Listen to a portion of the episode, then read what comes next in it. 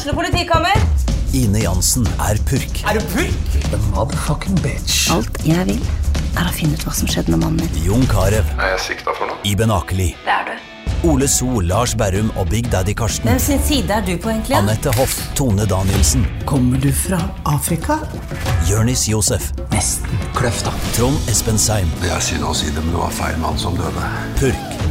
Premiere tirsdag på TV2 Play.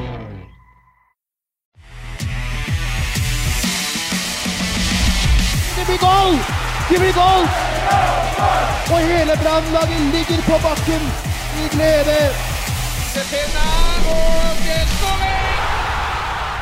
Ja, alle gode ting. Eh, tre, sies det. Det er det for eh, fotballpreik eh, også. Vi prøvde et par eh, ganger uten å få det til, men nå har dere på plass, eh, Daniel eh, Steinfeld. Veldig kjekt at du kom hit. Ja, tusen takk. Veldig kjekt å bli invitert. Så eh, nå eh, har jeg hørt på denne poden i så mange år, så nå, eh, nå tenkte jeg at det var kjekt å være med. Ja. Og så- Jeg tenkte du måtte uppe kvaliteten litt, komme inn og vise litt hvordan det skal faktisk gjøres. Ja. Det er faktisk første podkasten jeg er med på noensinne. Så det, Ja, det er her debuterer jeg i dag, for å si det sånn. aldri for sent å debutere. Ehm, jeg forstår det sånn, Du har fått litt uh, meldinger sånn at folk tror det er du som har unngått oss. Eh, Vi kan bare oppklare det med en gang. Det, først var det Jonas Grønner som var sjuk, så var det jeg som var sjuk. Det høres kanskje fortsatt enda litt ut som man hører at jeg har vært litt uh, sjuk, men um, vi er friske nå. Og du er frisk. Du Jeg er er, på plass. Ja. Jonas Grønner er med oss fra eh, Ålesund, og da er alt eh, sånn som det skal eh, være. Vi kan, ta, um, vi kan starte først, Daniel. Um, De aller fleste som følger med litt i sportsbildet, både i Bergen og Norge generelt, eh, vet jo at du, er, du var fotballagent. Ja. Det er du ikke nå lenger. Hvorfor Nei. ikke det? Nei, det er, noe, det er noe som man sier at det er en tid for alt. Så nå, eh, nå tenkte jeg at eh, etter eh, 13-14-15 år eh, med det her, i agentverden, tror jeg har reist verden rundt fire ganger, så, så var det kanskje tidspunktet på, på å komme hjem og, og ja, få vært litt tettere på familie og, og, og gutten min, egentlig. Ja. Ja. Så, eh, så det blir jo veldig annerledes. Jeg er jo vant til å, å være på farten hele tiden og, og, være rundt i Europa og i Norge. og sitt, Har sittet fryktelig mye i bil de siste årene òg. Eh, Det vet jeg. Det kan jeg skrive under på. ja, altså, jeg tror at gutten min eh, skal, skal få litt greiere hverdag enn når han er med faren og kun sitte i bil og, og være med pappa på jobb på fotballkamper. Nå, eh, nå er han blitt fryktelig interessert i fotball etter hvert, sånn at, eh, så det er litt kjekkere nå. Uh, har vært litt kjekkere nå de siste årene for han, men, uh, men nå tenker jeg at uh, det var godt å komme hjem og tilbake til Bergen. og gleder meg til å, til å begynne i ny jobb. Det er jo det vi kan si. Det ligger et nøkkelkort på bordet her, og det tilhører ikke meg, det tilhører ikke Jonas, men tilhører deg, og der står det sportsklubben Brann. Hva, hva skal du gjøre? Nei, så prøve også å ta med meg litt det som jeg har gjort i, i, i, i agentverden, men, eh, og se om vi klarer å finne, eh, finne de beste spillerne til Brann. Jeg har brukt mye tid på faget. Jeg har på en måte eh, følt de siste årene at eh, det har vært mye kjekkere å, å scoute og finne, å finne spillere enn enn det har vært i, med den andre biten i, i forhold til eh, kjøp og salg, eller salg eh, så, så jeg, har på en måte eh, vært opptatt av faget hele tiden. Jeg merket jo det når jeg startet med det her, og du sendte smørbrødlister til sportssjefer med så, så, så jeg merket jo på en måte det å, det å kunne faget sitt i forhold til det, det har vært veldig, veldig viktig for meg. sånn at og det tror jeg kan, kan være med inn i, i Brann og, og, og eh, ha mye styrker på det. Vi skal sikkert komme tilbake til faget gjennom den podkasten, men vi kan si Jonas, det Altså, det slo henne som en bombe. må vi kunne si. Altså, det var ingen av oss som så den nyhetssaken når den kom om at uh, fotballagent uh, Daniel Stenfeldt uh, slutter for å begynne i Brann. Nei, den, var, eh, den kom litt som lyn fra klar himmel. og da lurer jeg, altså, Det har sikkert vært diskusjoner som har pågått, og så lurer jeg litt på er det, Du sier at du har tatt det gradvis gjennom måneder her nå. Er det kontakten med Brann? Når kom den inn i bildet? Var det på et tidlig tidspunkt, og så begynte du å avvikle, og så endte dere til slutt opp med eh, å offentliggjøre, eller er det Du begynte å avvikle, avvikle, skulle hjem til Bergen, og så kom kontakten med Brann eh, inn i bildet? Ja det, det, ble litt sånn at jeg, jeg, jeg fortalte at jeg, at jeg har tatt en avgjørelse på å slutte som agent og flytte tilbake igjen til Bergen. Så hadde jeg noen flotte, flotte samtaler med Kristian Kalvenes. Eh, og han så behovet litt i forhold til, til den stillingen jeg har fått. Eh, sånn at eh, det, det, ble litt i forhold til, til, etter jeg tok den avgjørelsen. Sånn at jeg, jeg hadde allerede tatt den avgjørelsen når, eh, når jeg begynte å prate med Brann. Jeg kan si at Det som egentlig skjedde, Jonas, det er jo at uh, Daniel Stellfeldt han solgte Sivert Monsverk på uh, det var vel helt på tampen av overgangsvinduet i august fikk såpass mye penger for det at nå tenker jeg at nå har jeg gjort det, den største dealen jeg noen gang kan gjøre, så nå gidder jeg ikke holde på med det lenger. Så nå tenker jeg at nå, nå finner vi noe annet å gjøre. Ja, nei, det var ikke så mye på penger å gjøre, men det er klart det, jeg, jeg, har følt et ansvar for disse gutta som du har vært tatt den veien med. ikke sant? Og, og Sivert har jo vært en gutt som, som jeg føler vi har gjort alt riktig med. Eh, I forhold til de stegene han har hatt, i forhold til utviklingen han har hatt. Og så handler det om å å gjøre ting på riktig tidspunkt. Og det, det måtte jo jeg òg lære meg i, i, i agentverdenen, at, at uh, de kjappe løsningene de, de funker ikke alltid. Uh, sånn at uh, for Siver så er jo fantastisk, selv om Ajax ikke helt ser ut som Ajax i dag, så, så de, ja, var de veldig tydelige på at de, de drev med en de drev med en et generasjonsskifte der og, og, ville bygge opp. Så, så, det var vi klar over før han, før han Altså, vi, når, vi, når, vi, snakker, eller vi var inne på det, Jonas, med om man har klart å avslutte agentvirksomheten Akkurat nå ringer det et ukjent nummer på telefonen. Så helt ferdig er du vel ikke med det du eh, holder på med, Daniel?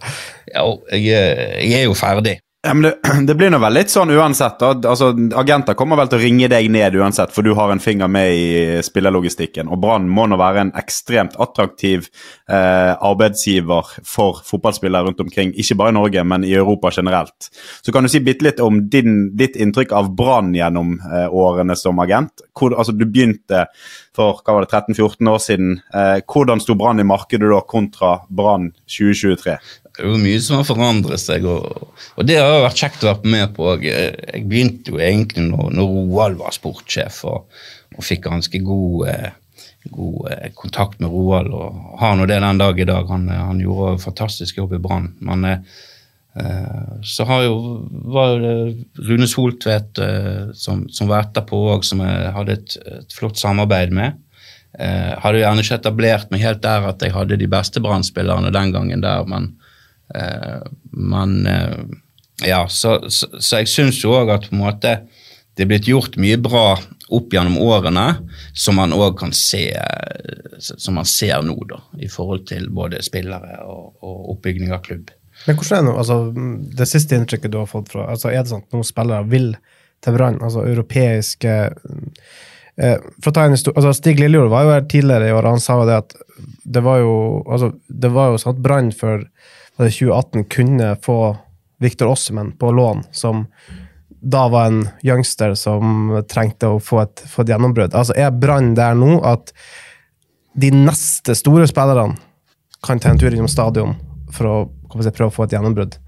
Ja, og det tror jeg, og det, og det ser du litt. og Brann er en av de største klubbene i Norge, og, og i forhold til måten man presterer på og, spiller fotball nå og, og lukter på på Europa. så Nå var det jo synd at man ikke klarte et gruppespill nå, men, men da så jo man litt på Bodø-Glimt første året at da klarer man det året etterpå hvis man beholder litt kontinuitet og, og trygghet i eget spill, sånn som, sånn som Brann har utviklet nå. sånn at jeg tror at Brann vil være en fryktelig attraktiv klubb både for de beste spillerne i Norge, og, og at det er utenlandske spillere som vil komme her. Nå syns jeg òg at man har på en måte en veldig fin profil i Brann i forhold til en blanding mellom lokale og, og, og noen utenlandske. sånn at eh, det er viktig at vi, at vi, henger med der oppe nå, og at man, man, eh, man fortsetter den jobben som er blitt gjort. Altså, en av mine favorittfilmer er jo Moneyball.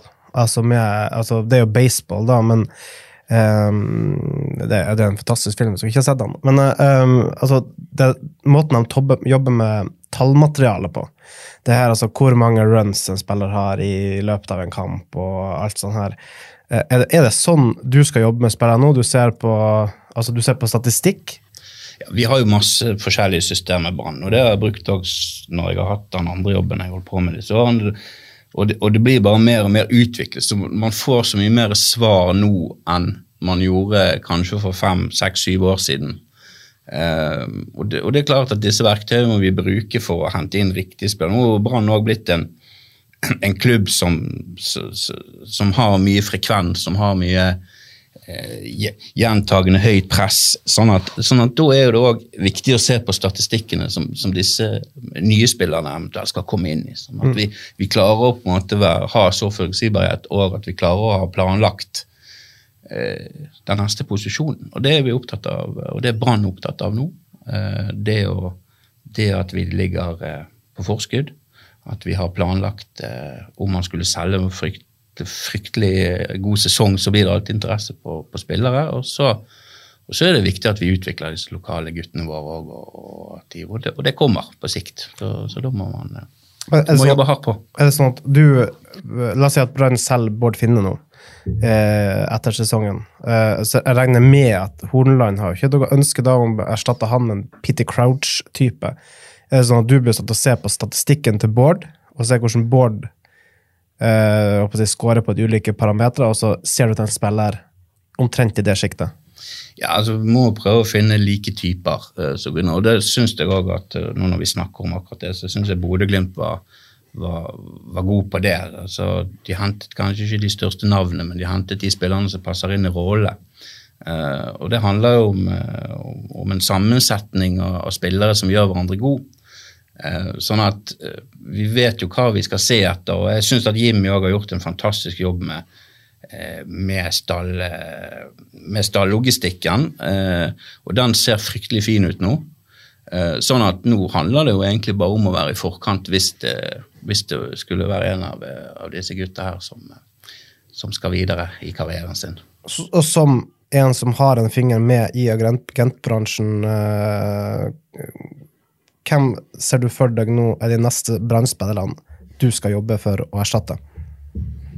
Nei, det synes jeg er så vanskelig å si, for jeg syns alle har vært gode. så, så jeg tror det er godt å forberede alle posisjoner. Men, eh, Du må se er et helt nytt lag. ja, ja, men, men det er viktig på en måte og, at, vi er, at vi er ute og ser, og, og det har Brann lyst til å, å bli enda bedre på. Eh, og da, da tror jeg jeg har masse å bidra med i forhold til, til det. Vi kommer ikke utenom at en Felix Horn Myhre, en Jaffet Seri Larsen eh, er i en alder der det kan bli Og så, de så gode som de har vært, at er det de to største salgsobjektene Brann har akkurat nå?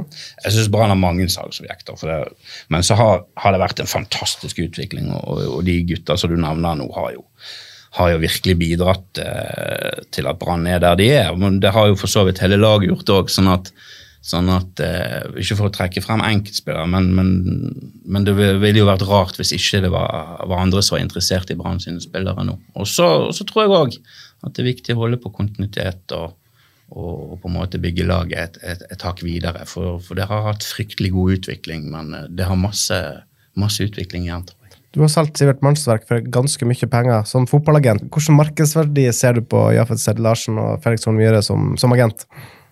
Nei, jeg, jeg tenker at vi ser hvordan markedet snudde litt i fjor. Det begynte i fjor. og Du må få sum her. Sum. Ja, nei, jeg, eh, alltid vanskelig å si summer, men, eh, men eh, vi, vi må begynne å selge, selge spillere på samme nivå som, som Bodø-Glimt og Molde gjør. Det, det, og det, det er kvalitet i, til å gjøre det bra nok. 50-60 millioner for Felix og Seri Larsen? Ja, Nå sa ikke jeg noen sum, det, det er Jimmy sitt bord, så det, det skal han få stake ut. Men, eh, men eh, det er klart at vi, vi er nødt for å, vi er nødt for å følge, følge, følge med der òg, tenker jeg. Hva tenker du om det, Daniel? eh, Sett og, sier du Nei, altså, jeg, det er jo helt, det er jo helt åpenbart. Altså, eh, suksessen til Bodø-Glimt er bygd på to ting. og Det er spillersalg, og det er altså Selvfølgelig knallhardt arbeid og måten det jobbes på, alt der oppe, men det økonomiske aspektet det er bygget på spillersalg og Europa. Og Hvis Brann skal kunne ha sjanse til etter hvert etablere seg og kjempe sammen med de aller største og beste i Norge eh, over tid, så er de nødt til å, eh, å prestere akkurat der. Eh, både med spillersalg på et meget høyt nivå, så må de ha jevnt og trutt med Europa. Eh, Så jo, jo bedre Brann blir, jo bedre de presterer, jo høyere summer blir det. Og så er Seri Larsen midtstopper, dessverre, så det går nok ikke 70-80 millioner for han. Men Felix Horn Myhre skulle hatt litt mer målpoeng i seg, men at han skal begynne å kravle oppover mot 40 30-40 millioner, det bør det være håp om om han fortsetter utviklingen sin. For akkurat nå er han fantastisk god. Og så er det som Daniel sier, det er ekstremt mange som presterer. Altså Dyngeland er en spiller i fin alder, så plutselig noen kan bestemme seg for at de skal ha en ny førstekeeper. Bård Finne han er ellevill og landslagsspiller og er på samme landslag som Erling Braut Haaland. Så det finnes jo noen typer eh, utover de åpenbare også som, som eh, man etter hvert er nødt til å ta vurderinger på. Og så er det veldig spennende å se hvordan Daniel og gjengen skal jobbe med å erstatte og viderebringe det som allerede er der i dag, og at ikke Sivert går lei med førstesalget. Men kan du si noe om, du si noe om altså, hverdagen din som agent? Eh, det er jo intenst, og det er sånn eh, forebyggende samtaler, og du planlegger. og Hvordan er hverdagen som agent? Hvordan har de siste 13 årene dine vært jobbmessig? Eh, altså, Hva gjør du en vanlig tirsdag, liksom? Eh, og så sammenligne det litt med sånn du ser for deg hverdagen din kommer til å bli i Brann. Er det åtte til fire mandag til fredag? Er det, mm, altså, hvordan blir kabal? Og gjerne ta Begynn med agentvirksomheten og snakke litt om hvordan det har vært å være agent sånn rent eh, som et menneske. Du sier det er altoppslukende og reiser mye. Hvordan har det vært? Jeg tror jo litt sånn som du sier, jeg tror jo det blir rart for meg hvis jeg plutselig skal begynne å jobbe 80 til 4 nå når jeg har, har stort sett jobbet eh, ja, ja, ikke 24 timer, men, men det er jo en 24 timers jobb. Så, så en vanlig tirsdag som agent, den, eh, den innebærer fryktelig mye mer enn en hva gjerne folk ser utenfra. Eller sånn. Så da, eh, som ofte så, så handler det om eh, eh, å, å ha en, en god plan foran hvert vindu, og det, det begynner man på med en gang det andre vinduet er ferdig. Eh, og Så handler det om å, å komme ut og, finne de riktige plassene. Jeg har brukt mye tid på det de siste årene, reist i ligaer og sett hvor henne spillerne kan passe inn. For det, det tror jeg den jobben er viktig i forhold til at man, man får guttene til å lykkes i karrierestegene sine. Eh, og så har jo du foreldre, du har gutter du snakker med, du skal på en måte snakke med klubber om spillerne. sånn at Så det skjer fryktelig mye i løpet av en dag. Det gjør det. Eh, så telefonen har vel gått fra kvart over syv til klokken ett om natten. sånn stort sett.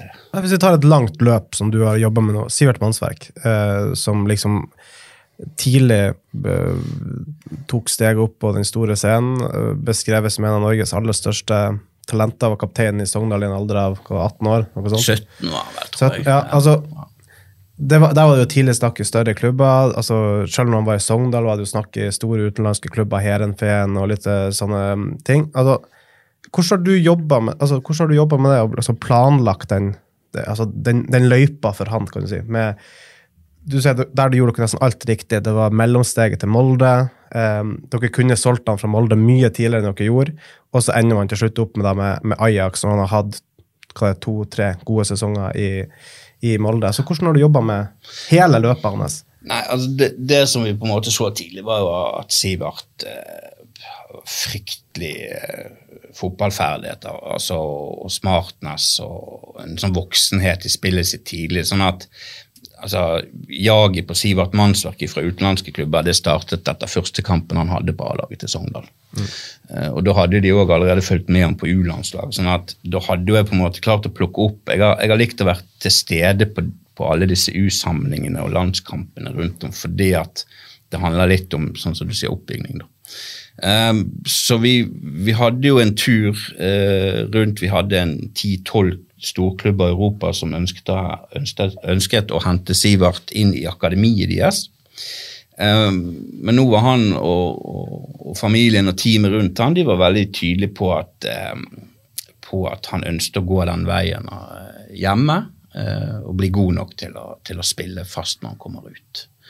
Eh, så da var jeg alltid fra Napoli til Feyenoord til eh, Arsenal og har vært rundt og besøkt klubber for Aset var det vel òg. Aset har vi vært i, og vi har vært eh, Tyskland og Ja.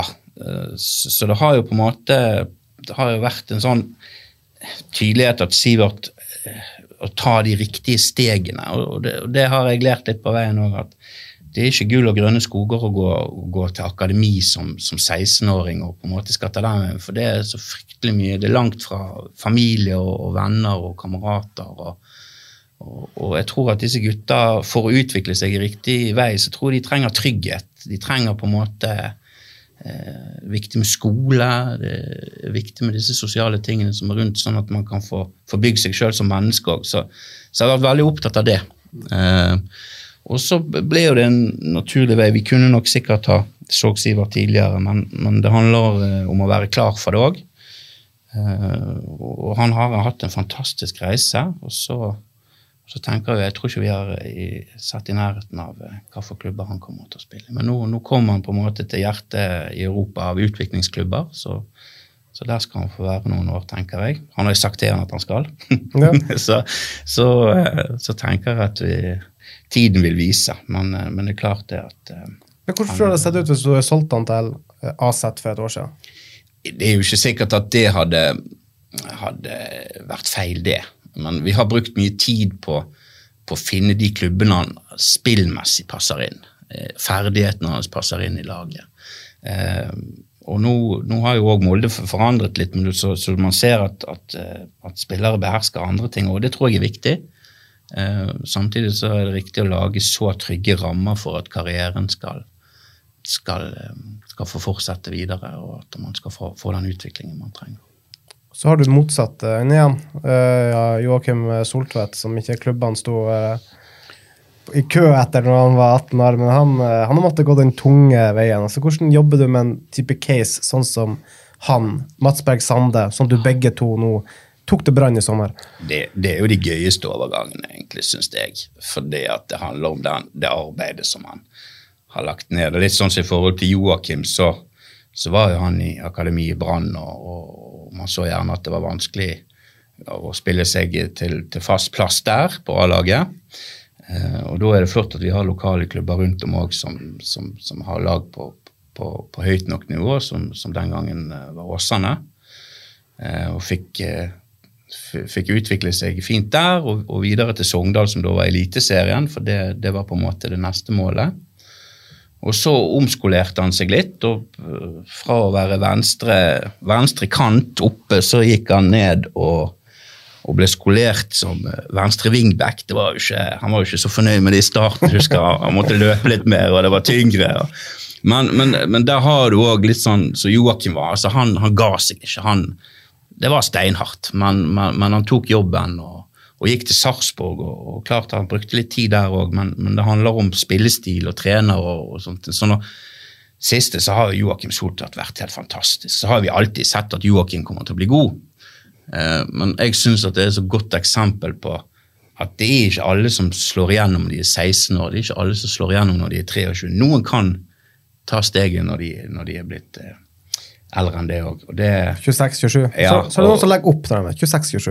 Ja da. Det, det, det er noe òg så, Sånn er det av og til òg. Det handler om masse spillere òg som, som har valgt og ser at, eh, at det er ting eh, andre ting som er, som er mer verdifulle. Og det syns jeg vi skal ha respekt for òg, for det, det handler om, eh, om hverdag, og det handler om et press, og det handler om Det, det, det handler fryktelig mye om å, om å bli, bli å, å leve dette fotballivet òg, tror jeg.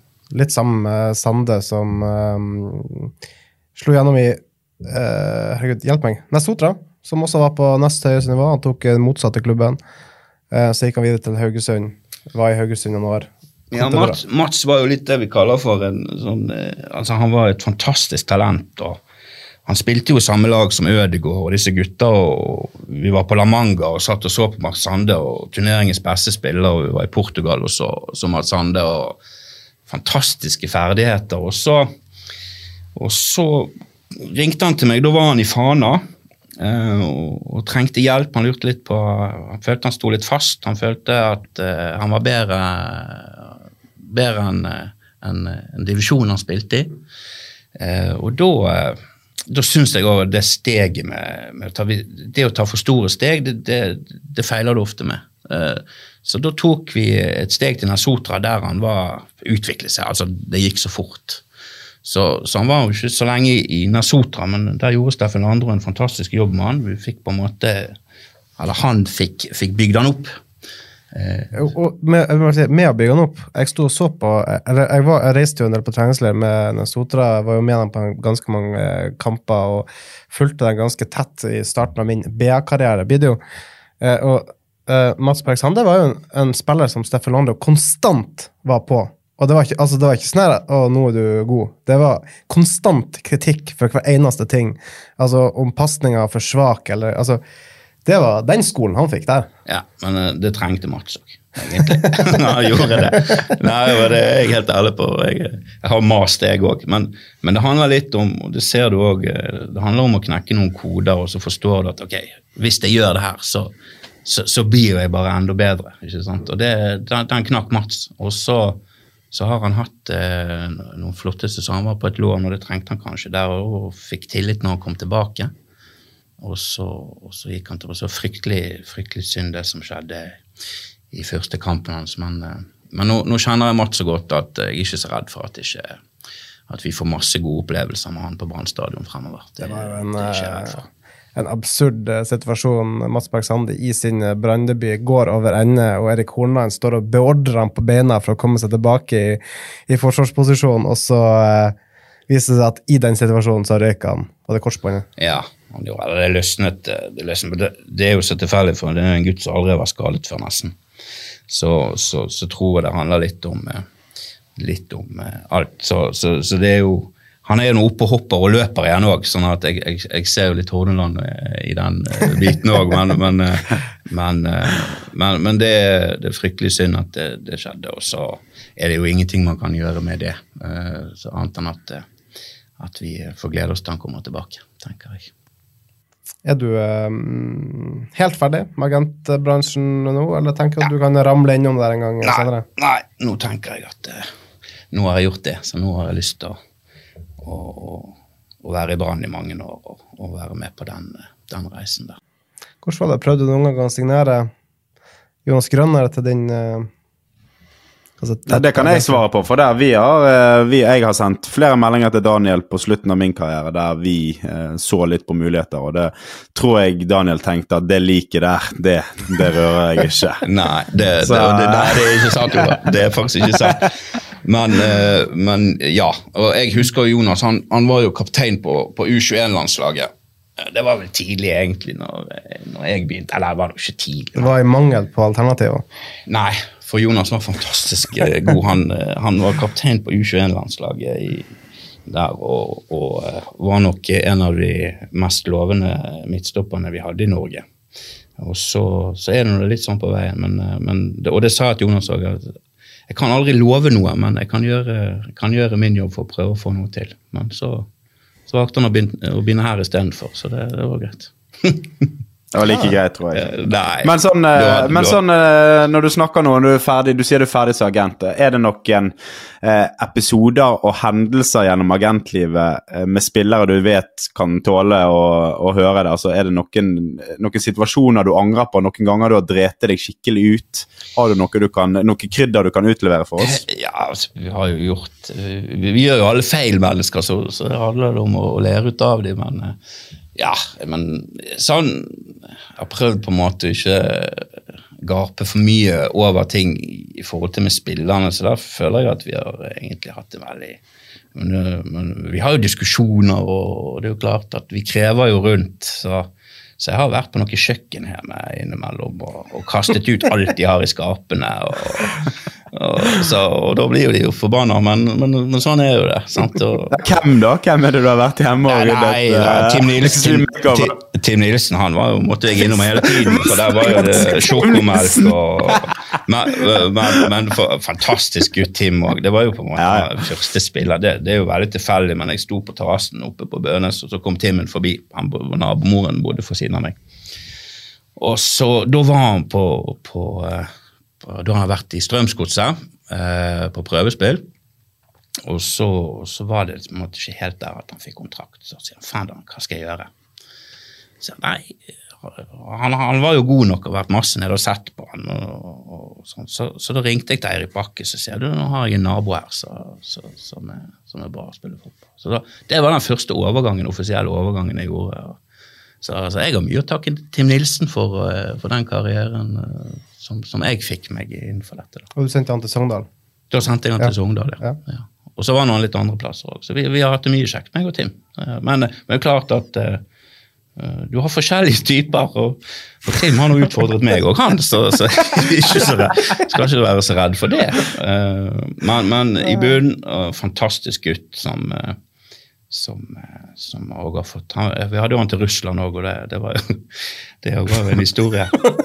Men, men, men han, er, han, var jo en sånn type som så, så kaster seg i det, og jeg liker jeg, jeg er glad i typer som, som, tør å være litt utenfor boksen og ikke være sånn som alle andre skal være. Så så, så ære være Tim for det.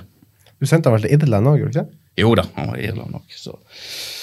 Men da kom jo koronaen, så da ble, det, da, da ble det, på en måte litt sånn det, det, Vi så det at den koronaen den var for veldig mange spillere, så, så ble det noen valg som måtte tas der. Uh, og det Ja. Så har du jo vært gjennom det som nesten føles obligatorisk for en eh, spiller og agent. Eh, det er jo rettssak med tyrkiske klubber. Det kjenner du ikke utenom. Nei, nei.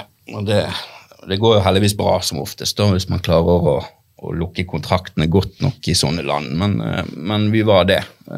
Og så har vi jo da eh, hatt gode folk rundt oss. Det var jo med Christian Opseth som, som, vi måtte inn der.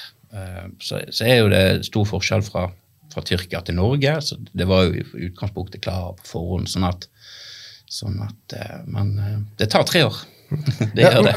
det, altså det, det var rett og slett, for Tyrkiske klubber de bare bestemmer seg for at spilleren der han vil du ikke bruke, da betaler vi heller ikke lønn. Ja.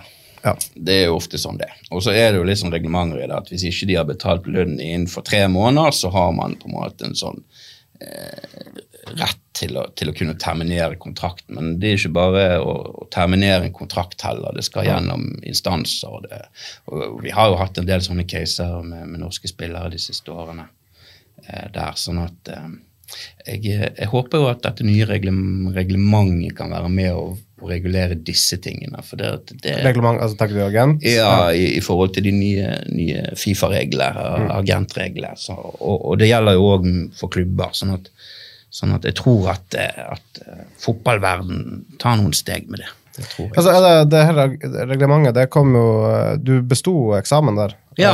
også, men likevel så gir du deg?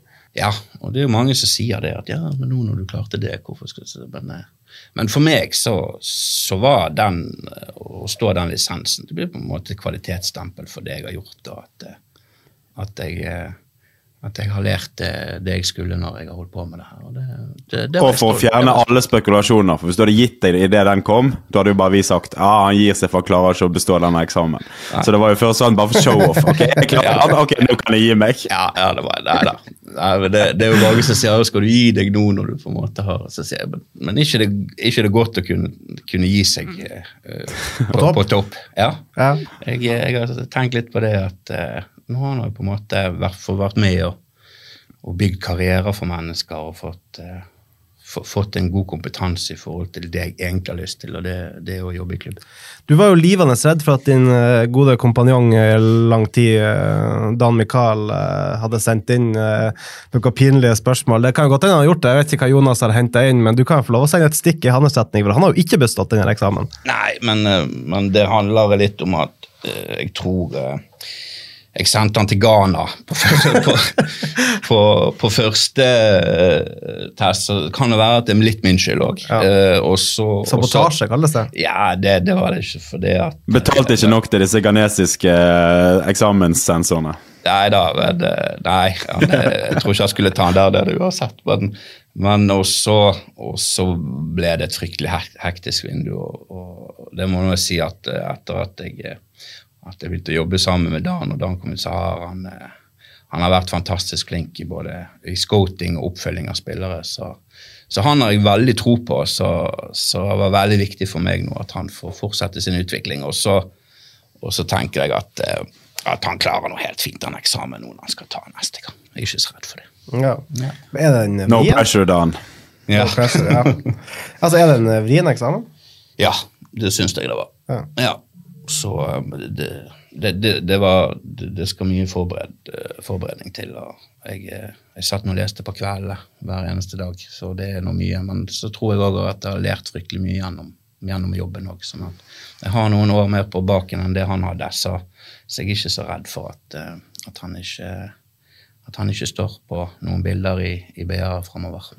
Ja, han er Ehm, Du begynte å jobbe for eh, var det Stars and Friends. Det er jo et ganske stort og mektig eh, agentselskap med ganske solide klienter. Ja, uh, og det var jo egentlig litt sånn gjennombruddet mitt i forhold til det. De, de var så opptatt av å, å, å at man skulle ha, skulle ha en oversikt og en relasjon til, til europeiske klubber. Så de sendte meg egentlig bare rundt i hele verden, faktisk, for å se fotballkamper, eh, for å se nivåene. Å, så, så sånn faglig så, så var det tre fantastiske år.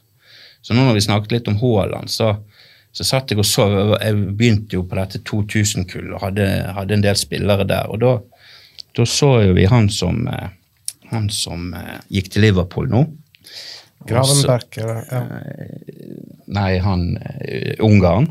Ja, Szoboszlai. Slob- Sloboszlai. Szoboszlai. Sloboszlai. Eh, og da hadde vi et transfermøte i, i, eh, i eh, Bratislava. Stars and Friends hadde jo kontorer egentlig over hele, hele Europa. Og da så sa jeg til han Mathias at han skulle nok ha tatt. Så, så gjorde han det. Og, og han har jo fått en fantastisk karriere. Så, så det er jo litt det det handler om, og kanskje jeg òg skal gjøre litt i Brann. Det å prøve å identifisere de tidlig, eh, så vi har oversikt på det. Og så være med å lage karrierene til disse guttene. Braut Haaland, da. Så dere at han ble god? Ja, det gjorde vi. Han, eh, han hadde Han var jo Han lå jo, han, når han løp i, st i starten. Han, eh, men så så du på en måte når, når kroppen begynte å reise seg, og, og holdningen kom opp, og, og, og han fikk liksom koordinasjonen på plass, da, så, så ble jo han en fantastisk fotball. Jeg vet ikke om jeg hadde kunne sagt at han skulle spille i Manchester City og være toppskårer i Premier League nå, men, eh, men at han ble god, det, det så man tidlig. Han var jo med David Nilsen eh, veldig tidlig ute i dette ja. prosjektet. Og da var jeg nede og så litt. Der var jo både Haldor Stenevik og, og, og disse gutta her òg. Mye lokale gutter som som også har fått fine karrierer. Eh, men du så jo, så jo det på Erling, at han hadde, han hadde noe ekstra. Han, han, hadde, han var litt, litt sterkere og litt smartere og litt kjappere enn alle andre var alltid. Og Vi må kunne si at din eller din kommende arbeidsgiver eh, får ta litt eh, del av æren for den karrieren han har fått. Jeg tror jeg vil jo å si at den her 4-0, eller fire skåringer på 20 minutter på stadion har nok Om det ikke var utslagsgivende for at han er der han er, så tror jeg iallfall det fikk fart på ting. Ja da, og jeg var på den kampen, og det, det var jo eh, det, Vi har vel aldri sett maken, egentlig. Nei. Nei Du spilte ikke Jonas? Var det akkurat gått? Du slapp akkurat unna. Jeg eh, Det var faktisk Jeg pleier å si det at det var perioden rett før eh, ryktene til Ålesund begynte å komme. Det kom vel uken før at jeg skulle være på vei til Ålesund, og da eh, da raknet hele den forsvaret til Brann. Eh, så det er, jo, det er jo min skyld, da, på mange måter. Så jeg tar en, noen prosent av æren til Erling Braut Haaland sin karriere også. Jeg gjør det. ja. Vi får sende litt eh, sånn, salær, er det det? salærkrav eh, opp til eh, bort til Manchester og se om du får noe i retur. Um, hvordan kom du inn i agentbransjen? Nei, det var jo egentlig sånn som jeg sa i sted. at eh, var, jeg, har, jeg har jo på en måte spilt sjøl og, og vært fryktelig ivrig. Altså det, og det er òg litt sånn eh, eh, Det var på en måte Det å, det å kunne komme seg på Brann stadion, da, da gikk vi med søndags-VG for å få råd til, til brannbussen, og, og vi sto og ringte på i syvtiden til folk på søndagene, så det, vi var jo ikke så populære i, i nabolaget da. Men, men, men fotball har jo alltid betydd fryktelig mye for meg. Jeg har, eh, har eh, sånn brennende interesse, og, og, og det òg å kunne være med og, lage andre gode, litt sånn som jeg sa i sted, det, eh, det har òg brent for. Eh, så så eh, Så det var å komme seg på få nok til den brannbussen og til, til en hotdog, og, og, og klarte ikke vi å selge nok aviser, så, så ble det gratisøyen. eller så prøvde vi å klatre opp i klokken uten at noen så oss eh, på klokkesiden der. eh, og så spilte jeg sjøl og, og har vært, eh, vært delaktig i fotball. Jeg har trent fotballag i, både på Askøy og på bysiden, og, og vært opptatt av begynte tidlig med det òg. Var 15-16 år når jeg syntes at det var veldig kjekt. Eh, Så ble jeg liksom ikke god nok sjøl til å spille. Men jeg var god å se spillet da. Men jeg var ikke så god. Jeg hadde ikke de forutsetningene der. Men eh, så, så, så det så, så har jeg på en måte lagt en sånn grunnleggende interesse i det hele tiden. Og så, og ble det veldig tilfeldig, egentlig, at, eh, Du var, du var ikke så gira på at vi skulle snakke om det, men du var god å skjenke det og spille noe, sies det en gang i tida. Nei, nå, nå, jeg jobbet jo, det, det jeg jobber med handler jo om nettverk, så det at når, når jeg studerte, så, så jobbet jeg litt som bartender, og litt sånn, så da, da fikk jeg veldig god kontakt med, med mennesker, og, og, og spilte med noen av disse på kretslaget, og sånn, sånn at eh, det handler jo litt om nettverk, og det, det gjør jo agentverden egentlig. Ja. Altså, du, du har jo hatt det litt eh, altså, Hvordan kommer du som uh, en ukjent, uh, relativt ukjent kar og uh, liksom skal begynne å snakke med tyske sportsdirektører? Ja, Det var jo det vanskeligste, faktisk.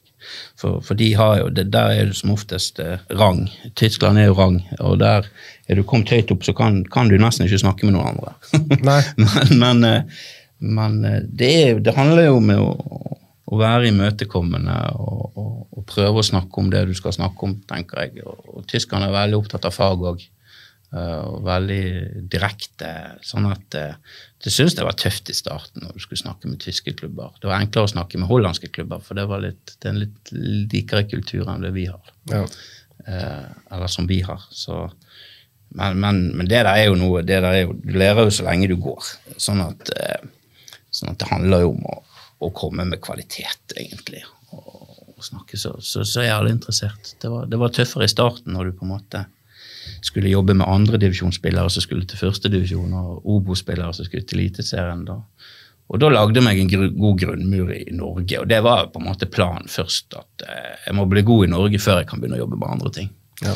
Eh, og det handler jo òg om at når du er nyetablert, så får ikke du de beste spillerne. Så, så klart jeg har sett disse store agentene ta spillere som jeg har hatt, og så, og så eh, har jeg vært litt der at jeg har unnet disse guttene det beste, så, så jeg syns det har eh, kjekt å følge med alle disse norske guttene nå som, eh, som utvikler seg sånn som vi gjør. Når vi var på AZ-kampen, så møtte vi faktisk han agenten som solgte Anthony fra Ajax til Manchester United. Det var vel en overgang som kosta nesten en milliard. Ja, det er summer, det. Ja. Ja. Hvor mye av det går inn i lomma til en eh, agent? Nei, nå vet jeg ikke hva for avtale han hadde, men, men det er jo som oftest eh, 10 Ja. ja, ut av en totalpakke. Så det, så det er derfor det det er mannsverk. Du bare pensjonerer deg nå. Ja, ja. Jeg, jeg, jeg gleder meg til å følge med Sivert nå, og så, så tenker jeg det skal bli godt å, å komme tilbake til Bergen og, og begynne å jobbe her. Men uh, kan ikke, vi kan ikke helt slipp på altså, uh, Bartender, det her var jo på gamle utested som jeg aldri har hørt om engang.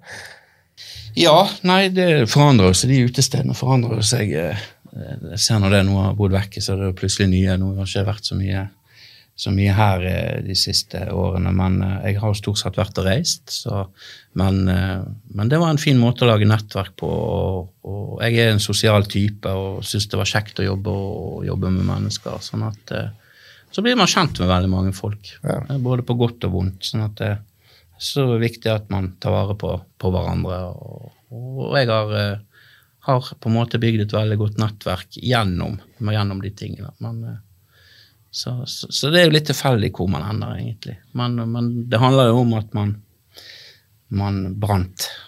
Man har brent for det. Du eh, kommer fra Askøy? Ja, Ja. Bor du der ennå? nå bor jeg der. Så det var veldig godt. Komme hjem til, til Askøy og, og til barndomskameratene sine og få lov til å være med litt i, i familieverden igjen. Det, det gleder jeg meg til. Så jeg ser at det, det betyr mye for Niklas. Han, eh, Din sønn, ja. ja, han, eh, nå er det familiebesøk og Forrige fredag så hadde min søster og de og ungene på besøk og kusiner og, og lagde taco og spilte Radio Aske-bingo. Og det, det har ikke bestått i min hverdag, men det var, det var fryktelig kjekt. Eh, Så eh, nei, det, jeg er glad i Aske og, og har vært eh, fryktelig opptatt av fotball der nå. Nå gjør Tommy Knarvik òg en, en kjempejobb der ute med alle de andre. Så det er ikke kun Tommy Knarvik, men men jeg har, har, jo gått og trodd og håpet at dette skulle løse seg på Aske, og det ser det ut som det gjør nå. Så, Det er vel ikke så lenge siden jeg mener Vår eminente lokalfotballekspert Per Kolstad tok vel opp det at det er jo en skam hvor dårlig Aske-fotballen har vært i Det var vel i årene han altså han rykka ned Var det Follese som rykka ned fra fjerdedivisjon? Man, hadde- altså man hadde kun lag i femtedivisjon på Askøy. Så det, det, er jo, en øy med hva er det, 30 000 innbyggere. Ja, jeg tror det er mer enn noe òg. Men, men eh, det, det har jo handlet om, om å samarbeide. og det er jo litt jeg sier, der, Hvis du klarer å samarbeide, så, så, så klarer jo man som oftest å, å få til noe. Og, og det har man sett, og, nå kommer det nye generasjoner. Så det har nå vært disse, disse gamle karene i de forskjellige klubbene der ute som, som ikke syntes det er så kjekt hvis vi skal spille i den røde drakten istedenfor den gule drakten, eller, eller hva for eh, bane man skal spille på. Så, så nå, nå ser jeg at Askøy fotball er på vei, og, og lokalfotball rundt om, men, men, men jeg har et hjerte for Askøy fotball. Det, og, og, og følger, følger godt med der. Det gjør jeg. Hvordan ser Åsabua på askøyværinga, Jonas Grønner? Nei, Jeg eh, refererer til Bergen. Det handler om å være på riktig side av Eidsvågtunnelen. Så dette er jo selvfølgelig langt, langt på feil side. Og jeg har aldri vært noe på Aske. Jeg har vært på et par fotballskoler der som brannspiller på besøk. Og så har jeg vært ute hos SPZ Bil og, og handlet hos de. Eh, Men utover det så drar man ikke til Askøy. Sånn er det bare. Jeg skal ta og invitere deg ut, Jonas, når du kommer hjem nå. Så skal, så skal du få krabber, og det blir kjekt. Hæ? Ja, sjøkreps, da kommer jeg. Ja, nei, men greit. Da må, da må jeg ringe til Skålevik, faktisk, for det, det er han som fikser med sjøkreps. Det, Ja. ja, ja. God å lage mat? ja, jeg liker å lage mat. Eh, nå har jeg ikke hatt så mye tid til det, så det, men det, det er sånne ting som setter pris på. Men altså nå, når du, altså nå har vi jo vært på eh, to-tre år med treningsleir, eller noe sånt, og du har jo vært veldig ivrig. Du har lyst til å invitere på eh, barbecue. Ja, Det har vi aldri fått til. Men altså, må vi legge den død nå når du ikke skal være agent, eller er det fortsatt mulig å komme på Nei, nå tenker jeg at uh, nå har jeg i hvert fall tid til at uh, Ja, ja, ja. dere kommer. Så, men, men det er likt i forhold til, til når vi er på disse leirene og, inviterer invitere, folk på, på grilling. og Det blir ofte en annen prat enn uh, når du skal stå på en fotballbane. Sånn at, uh, så det syns jeg er kjekt. Så uh, jeg håper vi får gjort det nå eh, i vinter. da. Det hadde vært kjekt. Og er vel du òg med, Jonas? Så da Ja, Så lenge det blir sommer, da. Grilling på vinteren, det gidder jeg ikke. Men Men grilling det i er jo, sommer, det er jo i Spania. Det er jo i Å ja. Å, er vi i Spania? Ja, ja. Jeg trodde vi skulle til Askøy nå. Nei, nei, nei, da, nei, nei, da, da, da Ja, da vi kommer jeg. i sommer. Ja. Du, eh, vi har jo fått eh, Det var veldig stort engasjement rundt eh, invitasjonen vår til Daniel. Det kom inn masse spørsmål, og folk har etterlyst det. Nå har vi den her, så du får eh, fyre løs med det du måtte ha, Jonas. Vi har vel besvart på noe underveis. Ja, eh, og vi kan begynne rolig med Sean Røskeland, som vil eh, gjerne høre om den drøyeste opplevelsen du har hatt som agent. Ja, jeg så den der. og så satt jeg og tenkte på hva for historie jeg skulle ta. Eh, For det, du, du, du, du kommer jo opp i ting. Du skal ta den drøyeste, det er det som er spørsmålet. Ja, Den drøyeste historien Da reiste jeg til Dynamo Bucuresti med Sean McDermott. Eh, han, eh, og vi kom ned der, og, og vi var jo på en måte veldig usikre på om, om det var riktig plass. Men ja, de var så fryktelig interessert, så, så da ønsket John å reise ned og, og i hvert fall se hvordan det var. Eh, og så kom, når vi kom ned der, så, så var det noe litt så jeg hadde en fantastisk flott by i Bucuresti. Ja, så, så, så det handlet ikke om Vi kom jo midt på vinteren også, så det var jo minus 30 grader. og Eh, og disse var veldig interessert i å få han signert. Eh, og han var litt usikker, og så handlet jo som, som oftest òg om at vi hadde fått et litt dårlig, dårlig forslag før vi reiste ned, men, men da tenkte vi ok, men vi får nå reise ned og være veldig tydelig på det til, til han i klubben, at vi, vi kommer nå ned og ser, og så, og så kan det være vi reiser hjem og tenker oss litt om. Men det skulle vi jo ikke ha gjort. så, så, så de skulle jo de, de ville signere han, og det var han de skulle ha. Så så var jo Sean litt eh, usikker. Eh, så da måtte jeg opp på, opp på kontoret til, til Bogdan, som heter. Han var sportssjef. Og så sa, sa jeg det at eh, altså, nå kjempekjekt å få se, og vi var på en eh, omvisning og alt, men at vi ønsket på en måte å, å reise tilbake. Og så sa han at nei, det, det går ikke. og så sier jeg ok. Nei, men vi, eh, vi hadde jo avtalt det. Nei, nå, nå var det ingen som skulle reise før det var signert. Så sier jeg ok, men vi, vi er jo ikke enige på, på, på verken lønn eller på Og spilleren er nå litt us... Nei, det, det var ikke aktuelt, det. Så, så da satt jeg så ble jeg litt stresset. sant, og og, tenkte, og, uansett hva jeg sa, så, så, var det på en måte Det var ingen som skulle dra. Så, så jeg gikk nå utenfor uh, der og sto og tenkte, tenkte meg om i fem-ti minutter. Prøvde å puste litt og, og, og, og, manne meg litt opp til ja, hva gjør jeg? Uh, er du redd, da? Ja, det er jo klart at du blir usikker. sant? Mm. Du, du, du hadde blitt det du òg hvis du satt inn på det kontoret, Jonas. For det at han, Bogdan i rommet, ja, den, den, den kødder du ikke. Var, og han var Bogdan òg. Så, så, så, sa jeg så sa jeg til nei, men ok, men da får vi bare bestille en taxi, vi, da. Eh, sånn at eh, så tar hun Nei, det, det, gikk ikke. Så sa jeg ok, men da, da, må jeg ringe til politiet, da. Eh, og så får, får de ta hente oss. Så sa jeg nei, det kunne jeg heller ikke, for det var politiet som eide klubben. så, så, så, når jeg kom opp igjen på kontoret, så hadde han fyrt i en sigar. Uh, og så satt han med en sånn lurt smil, så sier han ok. Uh, og da, da, da, da, var jeg svett, og, og, så sier han ok, Daniel, du, uh, du skal få, han skal få den lønnen som dere har spurt etter. Men, men da håper vi at dere kan, kan signere. Så da, gjorde vi det. Ja. ja. Og Litt det skulle vi aldri ha gjort, for det at han var treneren hadde jo ikke lyst på han. Så, så, eh, det var ikke mange ukene han var der nede før jeg måtte Ja, For han kom jo hjem igjen, ja? Ja da, det gikk jo tre uker, det. Så, så var jo det så, så, det er jo klart at det, det, det handler om å, om å leve òg. Fotballens bakside. Aldri gjort igjen. Men, eh, men jeg, jeg, jeg, var nervøs når jeg satt der. Men, eh, men, men, jeg har jo et kjempeforhold med Bogdan i dag. Vi, vi ringes litt innimellom. og så han, han er en fin fyr. Ja, Innerst inne. Ja, innerst inne. Innerst inne ja. ja han, skulle, han, hadde noe artig med meg, da, sa jeg. Så det var, Ja, da har jeg lyst til å bare følge kjapt opp. altså Vi skal ta med spørsmål, men Er det, er det flere situasjoner der du har vært redd gjennom agentkarrieren? Hadde med meg Håvard Flo til Serbia. Og vi så Røde Stjerne mot Partisan. Jeg vet ikke om dere har vært på den stadion der, men den er jo på en måte det er ikke vippen i Brann, men, men, vi satt uh, oppe da og hadde fått kjempeplasser, hadde noen gode kollegaer. Uh, uh, Ivan og, og, Milan Dudic, store spillere, spilt landslag i Serbia og spilt store klubber, begge to. så vi var jo i utgangspunktet godt tatt vare på der, men midt i kamp. Det var jo bomber og sånt. så jeg satt jo, Det var jo så jeg skvettet i, skvettet i undiken hver eneste gang denne bomben gikk av. Sant? Det var jo bomber fra alle kanter. Ja. Fantastisk, eh, fantastisk stadion i forhold til, til, til eh, supporterliv og sånn. Men plutselig så hoppet det fire stykker inn i vår eh, mur. Eh, da. Altså Det var litt sånn oppdelt. Og slåss.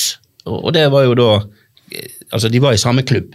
Ja. Så da, da, bare kastet det meg over Håvard Flo, sånn at eh, prøvde liksom å ta vare på Mens Milan og Ivan Skal du ta vare på Håvard ja, Flo? Er ikke det en stor? Nei, for Håvard satt helt innerst. Jeg tenkte bare jeg skulle se, beskytte meg sjøl litt. Da, og, sånn, og, og, mens, mens Ivan og, og, Milan, de, de, de bare de, de, måtte jo da forsvare her. Så, så det var jo en helt surrealistisk opplevelse at folk fra egen klubb har hoppet inn på andre på egen klubb. Men da, da hadde de sittet og kranglet om noe. Så, så, så det var da var jeg redd. Det, det var jeg. Men, eh, men, det gikk jo fint. Det, det løser seg som, som oftest. Det er vel, altså, akkurat det opprøret der er vel kåra til jeg tror det liksom er sånn topp fem farligste derby i verden. liksom. Ja, det var en fantastisk opplevelse. Jeg var nede i Marokko nå og, og, og, altså, og, har på en måte, Men fantastisk land. Eh, det der anbefaler folk å reise på ferie, faktisk. for det, det men, men den stadionkulturen der med 50 000 på tribunen, altså det er 50 000-60 000 på, på utetribunen, altså det er opplevelser for livet jeg har fått. Det er det. Ja. Hva mer har du, Jonas? Um, skal vi se, da. Hva skal vi ta som neste? Um, vi kan ta Futuro Brann, som lurer på hvordan arbeidsfordelingen blir mellom deg og Per Ove Ludvigsen, med tanke på arbeidet, eh, spillerrekruttering i Brannakademiet. Det blir et veldig godt samarbeid.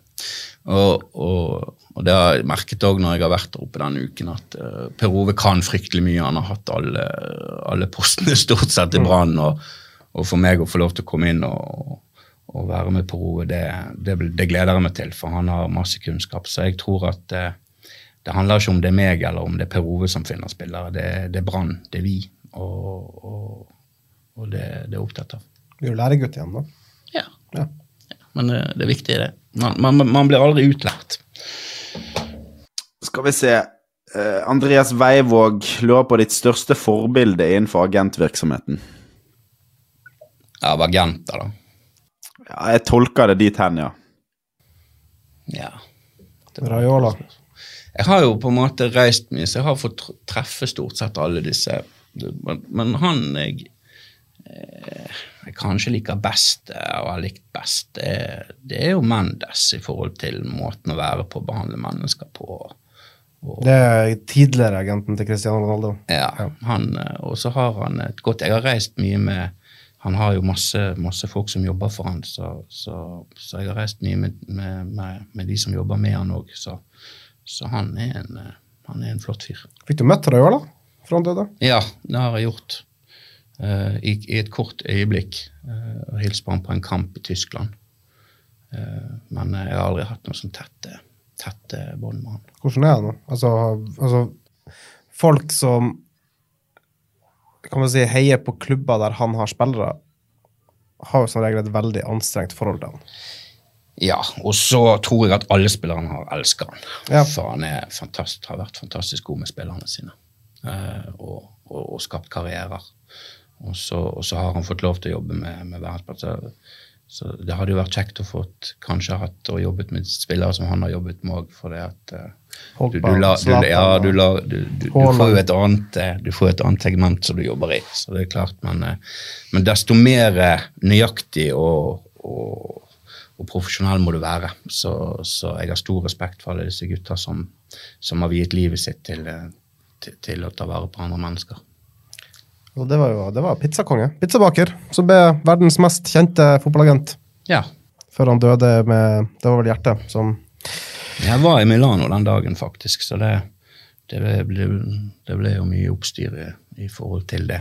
Så ja. det gikk jo mye rykter og, og, og sånn, men eh, det var jo trist beskjed å få. Eh, knall i padden. Lurer på om du kommer til å gi ut bok om din tid som agent. Nei. Nei, det har jeg ikke tenkt. Det ja, Kunne du skrevet bok, da? Ja, det kunne jeg. Det tror jeg jeg kunne gjort. Det, det, kunne jeg ha gjort. Men jeg tror at han, Knuten skal, skal, slippe å få så mye konkurranse på det. De bo, det, det boklanseringene der. Ja, så, så, Knuten skal få ha det. det der, har du lest boka hans? Ja da, jeg har, jeg har, det. Og fantastisk artig bok. Så, Hvor mye av det er sant? Nei, eh, noe av det tror jeg. Men jeg, jeg tror det. Jeg, tror det men, men, Knuten er jo en fantastisk fin fyr, så, så, så jeg, liker, jeg liker Knut. Han, eh. Selv om han dessverre jobber for Bergens Tidende, så er Knut Høybråten er en uh, Dessverre jeg jobber for Bergens Tidende. Hva mener du med Jonas? Ville du hatt noen andre til å jobbe i BA? Altså, han, nei, jeg, jeg si, altså, han, er en, han, er jo en, fantastisk person. Jeg digger Knut. Knut er jævlig fin. Ja, Han er en sånn humørspreder og har jo reist litt med dere òg i media. og ja, ja, Jeg syns jo stort sett at dere er fine alle mann. Vi, vi altså, Når han begynner på det jævla som bukkakjøret etter bortekampen med Brann, det er et mareritt. Så det er bra han er på den slanke Nå har han doppa seg bukka, det er jævla fint. Han har snakka så mye greier om meg i den poden borti der, så jeg tenker nå fikk vi kjørt litt tilbake mot Knuten. Ja, jeg ja. hørte han hadde klasseshow på stadion etter kampen. Ja, ja. Så det er at han, eh, han, liker det der, og det der er han flink til. Så det er viktig å unne folk når de er flinke til noe, så syns jeg det er kjekt. Du tråkker ikke det bedet? Nei. Nei. Bjørn Reksten han lurer på uh, hvor mange reisedøgn ser du for deg i 2024? Ikke så mange som jeg har hatt. Eh, hva, har du, hva, har du, lagt på da i, i året? Over 200 stort sett hvert eneste år. Eh, så, så, det blir nok litt på en annen måte. Jeg skal, skal prøve, og, og Brann ønsker å digitalisere seg litt, så jeg kommer til å bruke litt tid på det i tillegg, sånn at vi får et, eh, Sånn at vi, vi, vi blir gode òg når vi på en måte ser spillere. Og, og nå har vi masse gode systemer, men, men, det å på en måte få den oversikten og få den eh, kartleggingen, det, det, skal jeg jobbe mye med. og gleder meg fryktelig til å jobbe på, på kvinnesiden med det. Det er en fantastisk utvikling det vi holder på med på, på kvinnesiden nå. Og, og, vi har et lag som spiller Champions League, og vi har masse lokale klubber og masse lokale spillere som, som har så lyst til å på vei opp. Sånn at uh, den jobben der skal vi uh, samarbeide godt rundt om i, i lokalmiljøet, og så, og så skal vi prøve å lage masse gode kvinnespillere og det, det, gleder jeg meg til. Bare, altså, hadde du tatt den jobben her i Brann for tre år siden? Nei, men jeg var ikke klar. Jeg tror ikke jeg har vært klar for det før. Jeg tenker bare sånn som det Brann var da. Ja. For, altså, var jo, da var det jo fullstendig ja. kaos. Det hadde jeg gjort. Du har tatt den da òg? Ja, det hadde jeg gjort. Ja. Ok, Vi tar et siste spørsmål herifra. De andre er stort sett ting vi har vært innom. Eh, men kan du kjapt beskrive det som kjennetegner spillere eh, Brann skal speide etter? Og da vil, gjerne, vil, vi gjerne høre både herre- og kvinnesiden. Altså er det samme type spiller? Eh, hvordan jobber dere der? Og hva er slagplanen? Altså, det handler jo om brannidentiteten nå, og den, den så jo dere veldig godt mot Bodø-Glimt. Det handler om frekvens, det handler om press. det handler, Jeg Horneland har satt sammen en kjempelag òg i forhold til dette. her, og, og når du ser, Da vi var ute og så de mot Lillestrøm, så ser du den brannidentiteten lyser igjennom. med, Selv om man ikke akkurat spiller helt lik på, eh, formasjon, så, så, er det den brannidentiteten. Og og, og, det gleder meg sånn å se, for det er ny, nytidsfotball. Eh, og, og, og Brann ønsker på en måte at dette blir blir identiteten deres. Eh, så, så, så, da blir det så fryktelig mye enklere for oss å finne de spillerne som skal inn i de forskjellige rollene. og det, det er jo det vi ønsker å bli, bli bedre på. Det var vel det vi snakka litt om tidligere i podden. Altså, altså, dere skal ikke erstatte Bård Finne med la oss si, en stake? Nei da, men det er noe opp til treneren i forhold til kampbildene og, og hva de ønsker. Og, og, og sånn. men, men, det er klart at den identiteten skal, må jo dyrkes videre, og, og, du ser man lykkes så godt med det. sånn at hvis man klarer å bygge det inn i, i alle lagene i Brann, så, så, har Brann en, en, en, stor fremtid i norsk toppfotball eh, de neste årene. Men det går jo mye på frekvens, Jonas, og det går jo mye på, på, på gjentagende ting. Frekvens det var noe han aldri hadde, så det trenger vi ikke snakke med han om. Jonas var smart i posisjoneringen sin, så han, han løste det der. Og så hadde han en venstrefot som ikke alle andre hadde. Har du noe mer? Nei, jeg tror resten av spørsmålet har vi egentlig vært innom på forskjellige måter. Så jeg tror, altså Det er en, det er en som spør her for fem timer, timer, siden, Endre JML.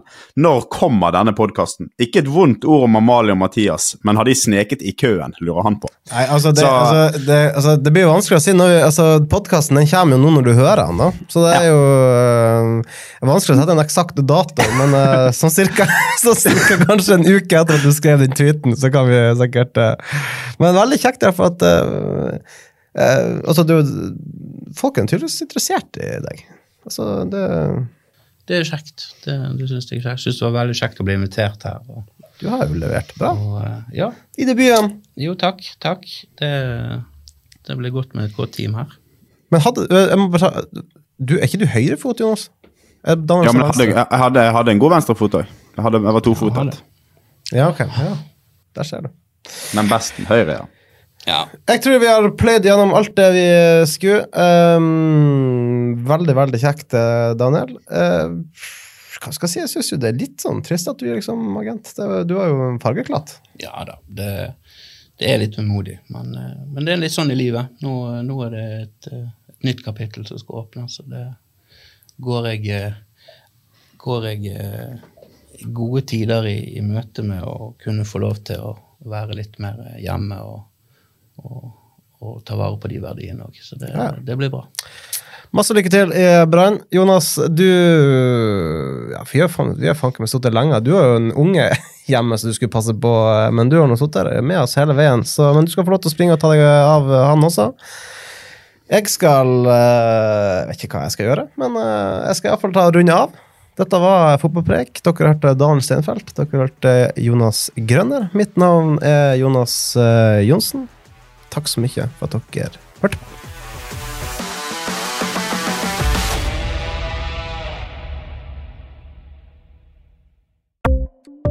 Ukens annonsør er HelloFresh. HelloFresh er verdens ledende matkasseleverandør og kan være redningen i en travel hverdag.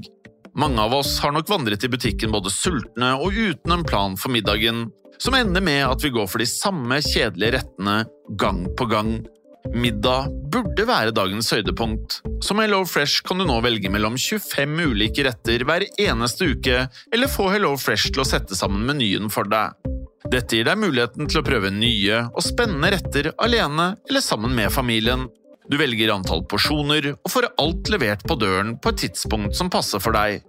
Oppskriftene er enkle, og maten er lett å lage både for store og for små. Ved å få alt levert hjem får du også mer tid til å dele matgleden med familie og venner. Kanskje det frister med asiatiske tacos eller greskinspirert kylling? Da kan jeg anbefale deg om å gå inn på hellofresh.no. Her kan du bruke koden FOTBALL og få opptil 1779 kroner i rabatt på de første fem matkastene hvis du ikke har prøvd Hello Fresh tidligere. Du kan også bruke rabatten hvis du har vært kunde og stoppet abonnementet ditt for tolv måneder siden eller lengre. Gå inn på hellofresh.no og bruk koden FOTBALL. Har du et enkeltpersonforetak eller en liten bedrift? Da er du sikkert lei av å høre meg snakke om hvor enkelt det er med kvitteringer og bilag i fiken, så vi eh, gir oss her, vi. Fordi vi liker enkelt. Fiken superenkelt regnskap.